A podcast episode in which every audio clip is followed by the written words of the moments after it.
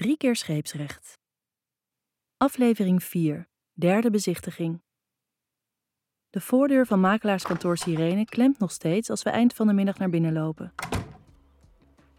Hey, zegt Lucas enthousiast als hij ons ziet. Ik wil je net bellen. Vanuit mijn ooghoek zie ik Finn achter zijn bureau zitten, starend naar zijn beeldscherm. Mijn hart bonkt in mijn keel. Van opwinding, van ongemak, ik weet het niet. Hoe was het in Zandvoort? Vraagt Lucas als hij bij ons komt staan. Ja, prachtig. Ook daar weer een kleine keuken, maar de locatie en het uitzicht maken heel veel goed, zeg ik. Het is een hele goede eerste optie. Hoe is dit in vergelijking met het laatste pand wat je me wil laten zien? vraag ik Lucas. Nou, zegt Sam zacht, als je graag aan het water zit, is de woonboot misschien een optie. Lucas en Sam draaien zich alle twee naar Finn toe. Dat is best een goed idee, zegt Lucas. Het is een relatief rustige locatie, maar toch midden in de stad. De buurtbewoners weten je na een tijdje vast te vinden en de toeristen brengen een lekkere duit in het laadje in de zomer. Die woonboot is al weg, zegt Finn zonder op te kijken. De Boelemeijers hebben er een optie opgenomen. Hij tikt hard op zijn toetsenbord. Oké, zegt Lucas en hij knipoogt naar me. Alleen een optie is nog geen getekend contract. Finn haalt zijn schouders op. Is dat een klant die je wil vertellen dat we hun optie weggegeven hebben? Laat maar, zeg ik, het is geen probleem. We houden ons aan het plan dat we al hadden. We vinden wel iets, zegt Sam en hij legt een warme hand op mijn arm. Ik schrik van het intieme gebaar en kijk op naar Lucas. Zou hij het zien? Aan mij of aan Sam dat er iets tussen ons is gebeurd vandaag? Maar zijn donkere ogen stralen niks dan vriendelijkheid uit. Vrijdag ga ik met je mee. Dan bekijken we dat pand aan de rand van de stad. Achter me klinkt een schamperend gekuch. Die op het industrieterrein? vraagt Finn. Als ik me omdraai, zie ik hem nog net afkeurend zijn hoofd schudden. Hij mompelt iets wat ik niet versta. Hoe bestaat het dat hij al zo lang bevriend is met Lucas en Sam? Kom, zegt Lucas, dan bekijken we samen nog wat locaties hier. We gaan achter zijn bureau zitten. En vrijdag kunnen we gewoon kijken. Als je het niks vindt, dan gaan we door naar de volgende. Ik knik, maar een gejaagd gevoel sluipt door mijn lichaam. Wat als we niks kunnen vinden? Dan heb ik alles geregeld, maar dan kan ik nergens aan de slag. Sam schuift tegenover ons achter zijn bureau. Hij knipoogt vriendelijk naar me. Komt goed, fluistert hij. Echt. Anderhalf uur later hebben we vijf backup locaties die we kunnen bezichtigen als het pand aan het industrieterrein niks is. Sam en Lucas staan op als ik mijn jas aantrek. Ik hou Zandvoort voor je in optie, Mila, zegt Sam. Dank je wel. Ik weet verder niet zo goed wat ik tegen hem moet zeggen. Awkward. Ik kijk van Sam naar Lucas en weer terug. Tot vrijdag dan? Tot vrijdag, zegt Lucas. En voor de zekerheid, je bent erbij toch? Het feestje op de vijftiende. Plotseling kijkt Finn op. Een onherkenbare emotie flitst over zijn gezicht. Uh, ja, de vijftiende staat in mijn agenda, mompel ik tegen Lucas. Finn staart strak voor zich uit, zijn mondhoeken licht omhoog krullend. Zodra ik buiten sta, gris ik mijn telefoon uit mijn handtas en duw ik mijn AirPods in mijn oren. Jackie, help alsjeblieft, sis ik in mijn telefoon. Wacht, ik loop even naar buiten. Wat heb je gedaan? vraagt ze. Hoezo neem je meteen aan dat ik iets gedaan heb? Schat, ik ken je al langer dan vandaag. Biecht het maar op. Het liefst zou ik het ontkennen, maar daar schiet ik niks mee op. Ik weet niet waar ik moet beginnen. Hoe krijg ik het voor mekaar om binnen een week zoveel problemen te veroorzaken dat ik het niet meer normaal op kan lossen? Geïrriteerd loop ik naar mijn fiets. Met een hoop geweld maak ik mijn slot open en ruk ik mijn fiets uit het rek. Aan de andere kant van de lijn haalt Jackie diep adem. Rustig blijven, niks kapot maken. We nemen het allemaal door en we maken een plan de campagne. Alles kan gefixt worden. Met mijn fiets aan de hand loop ik de eerste de beste straat in, zodat ik voor de mannen uit het zicht ben. Nou, ik heb vandaag soort van een beetje met Sam gezoend. De gniffel aan de andere kant van de lijn is precies wat ik nu niet nodig heb. Je zet goed door, Mila. Echt, dit had ik niet achter je gezocht. You go, girl. Jackie, ik weet niet of dit wel zo'n slimme zet was. Was het niet fijn? Heeft hij iets gedaan wat je niet wilde? Tuurlijk niet. Ik bedoel, ja, het was wel fijn en Sam zou nooit iets doen wat ik niet wil. Ik bedoel vooral dat het fucking ingewikkeld is. Wie doet dat nou? Iets beginnen met twee mannen die bevriend zijn. Op de eerste plaats, jij hebt me toch verteld dat ze dit wel eens eerder gedaan hebben? Ja, uh, ik weet het niet hoor. Jackie onderbreekt me. Dus zij weten het van elkaar. Jij weet het? Ik zie het probleem niet. Ik durf het bijna niet hardop te zeggen. Ik krijg een beetje het idee, zeg ik met een klein stemmetje, dat Finn het ook weet en dat hij het belachelijk vindt of zo. Hij was toch die derde man in dat bed? Dat was tijdens een studie, hè? Zeg ik snel, dat is ook alweer een tijdje geleden. Jackie klikt met haar tong. Op zich heeft hij natuurlijk niks te maken met het seksleven van andere mensen. Ook niet met die van zijn vrienden.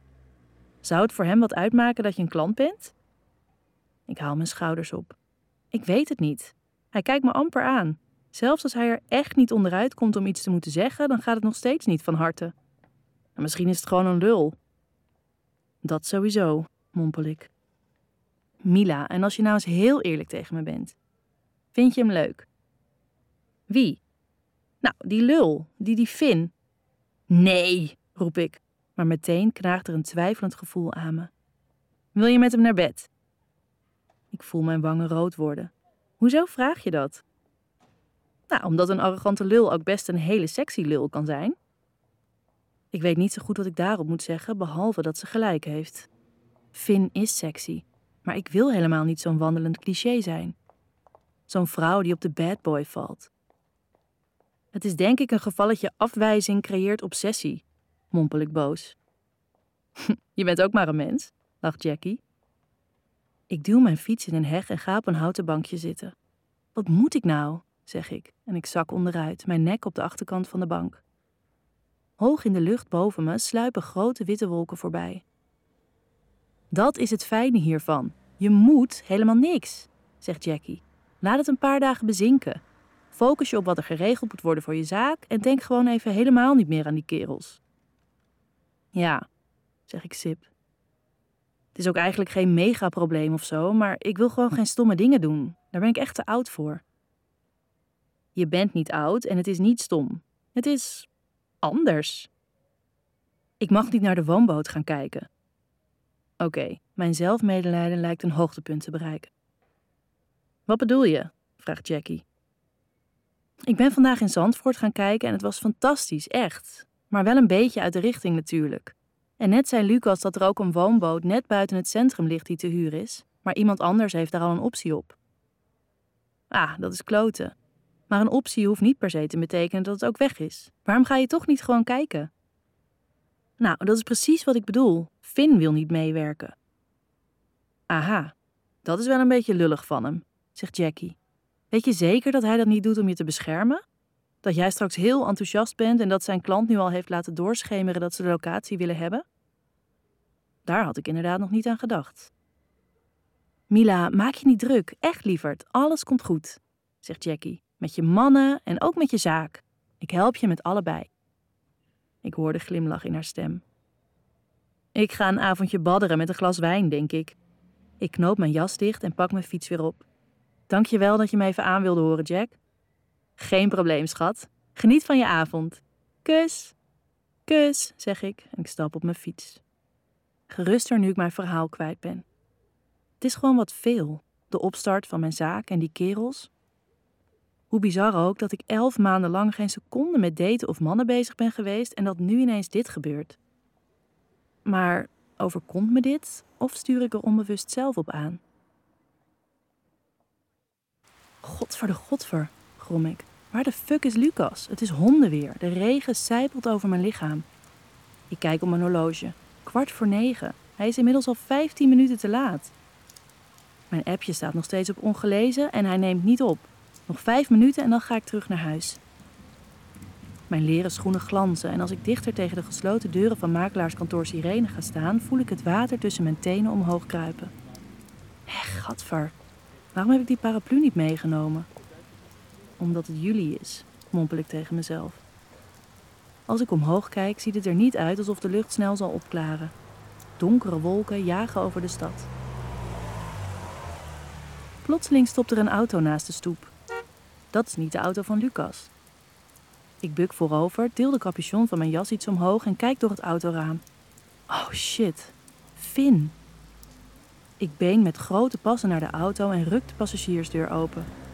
Je bent te laat, zeg ik nors. Ook goedemorgen, antwoordt Finn. Zijn gezicht staat op onweer. Stap in, ik laat je de locatie zien. En alsof de duvel ermee speelt, klapt een bliksemflits door de lucht. Ik ben helemaal doorweekt. Vins ogen glijden van mijn vochtige haar naar mijn doorweekte spijkerbroek. Waarom heb je geen paraplu meegenomen? zegt hij en geeft gas. Ik gooi mijn handen in de lucht, omdat het al juli is. Sinds wanneer betekent dat iets in Nederland? Natuurlijk heeft hij gelijk, maar ik ben gewoon boos en als ik eerlijk ben, bevalt dat prima. Dit is ons langste gesprek tot nu toe en boos zijn is beter dan dat ik niks tegen hem durf te zeggen. Ik wrijf met mijn vuist over het beslagen raam. Sorry, mompel ik. Het is een beetje een klote opstart van de ochtend zo.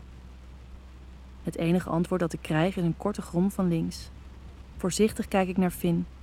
Zijn blonde haar is nat, zijn grijze spijkerbroek net zo doorweekt als die van mij. Ik dacht dat Lucas met me mee zou gaan vandaag, zeg ik. Als Finn me aankijkt, stokt mijn adem in mijn keel. Zijn grijze ogen lijken tot in mijn ziel te kijken. Alles in me zegt dat ik weg moet kijken, dat ik de blos op mijn wangen voor hem moet verbergen. Maar ik vertik het. We pakken alle drie onze eigen locaties op, tenzij het echt niet anders kan. Eigen locatie? Wat bedoel je? Ik kijk op naar de wegbewijzering. In plaats van dat we de ring oprijden, gaan we richting de stad. Oh, we gaan niet naar het industrieterrein? Vins mondhoek krult omhoog in een sensuele glimlach. Of misschien is het gewoon een grijns en zie ik het verschil niet omdat ik langzaam verdrink in gedachten over hoe bizar mooi deze irritante man is. Ik kijk met een overdreven gebaar op mijn horloge. Het is vijf voor negen. Ben je al door je maximale woordgebruik voor de dag heen? Weer kijkt hij me met die prachtige grijze ogen aan. Even lijkt het of hij iets wil gaan zeggen, maar in zijn wang verschijnt een kuiltje. Sexy. Ook een heel slecht teken. Hij schudt zijn hoofd en richt zijn ogen weer op de weg.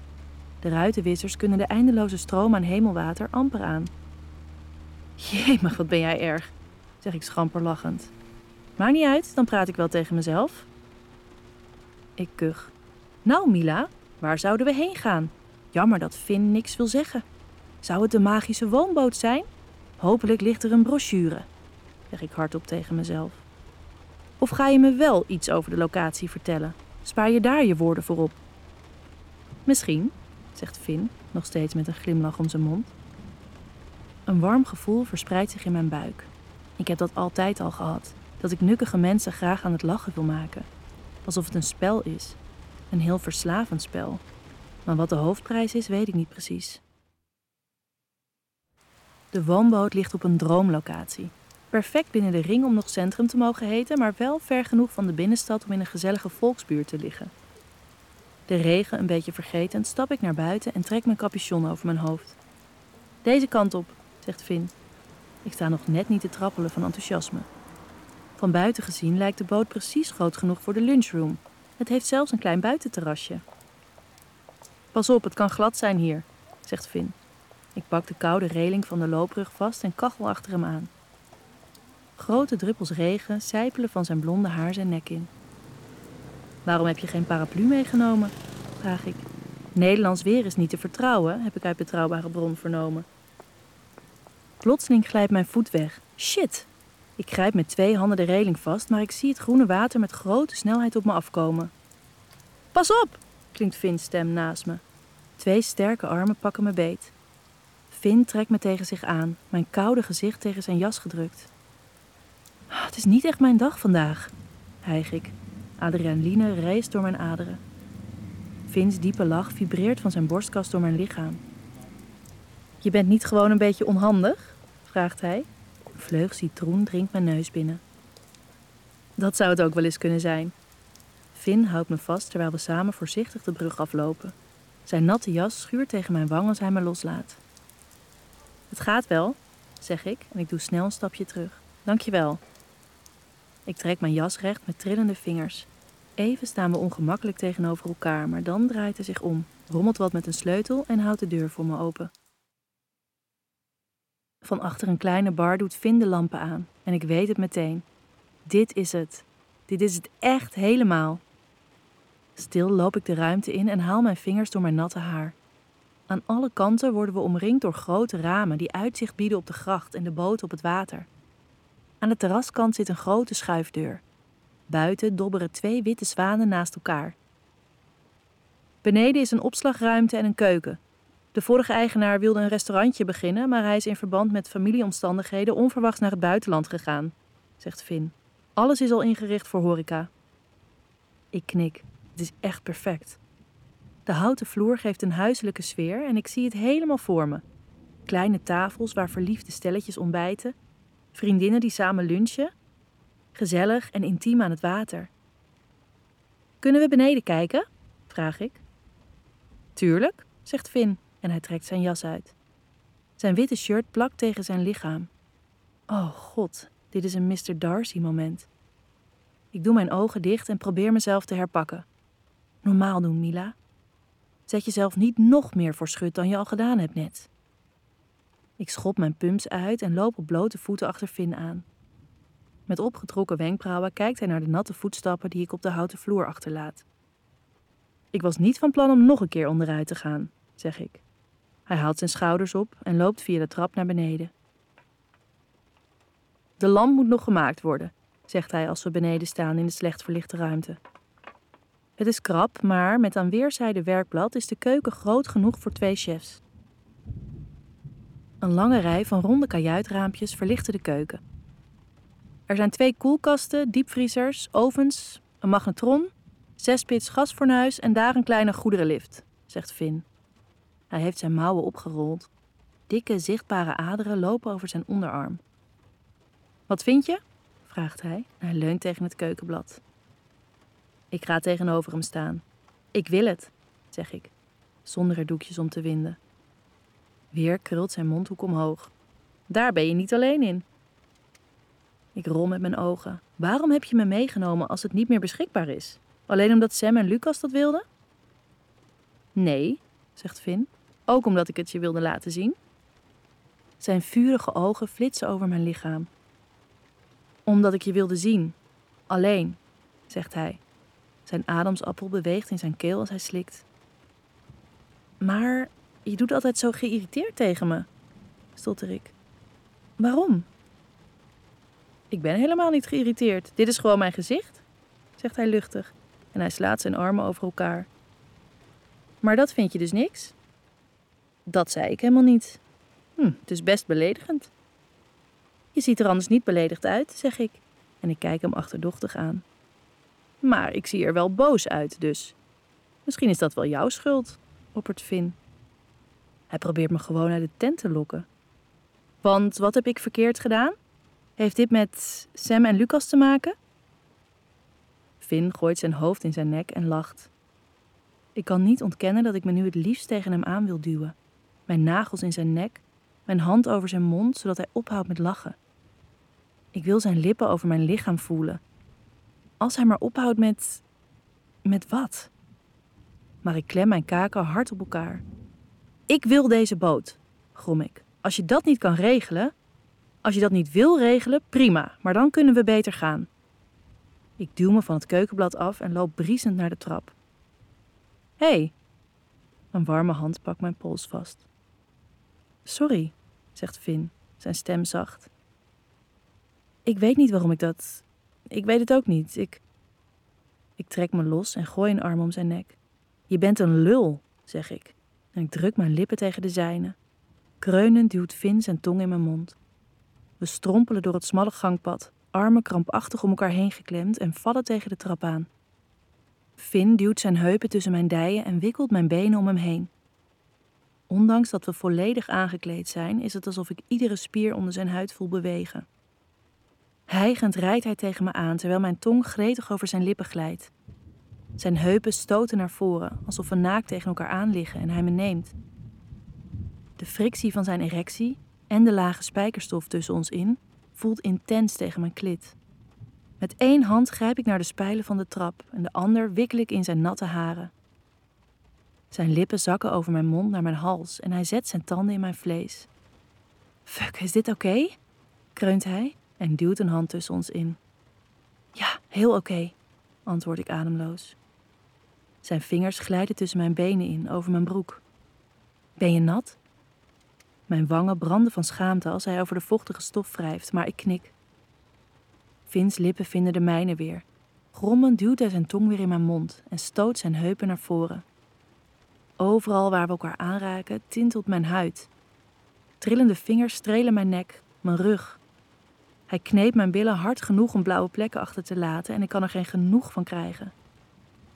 Ik kronkel mijn onderlichaam tegen zijn erectie aan. Harder, sneller. Mijn hele lichaam trilt. En ik kan me niet meer inhouden. Meer, kreun ik zacht. Alsjeblieft, Vin. Ik ga komen, gromt Vin. Verstrengeld in elkaars armen bewegen we sneller met mijn lippen in zijn nek, tot Vin verstijft en kreunt. Trillend krom ik mijn rug en laat de golven van genot over me heen komen. Een vochtige plek vormt zich tussen mijn benen en ik kom klaar in zijn armen. Verder luisteren? Ga dan naar rouse.me. R-O-U-Z-E.me.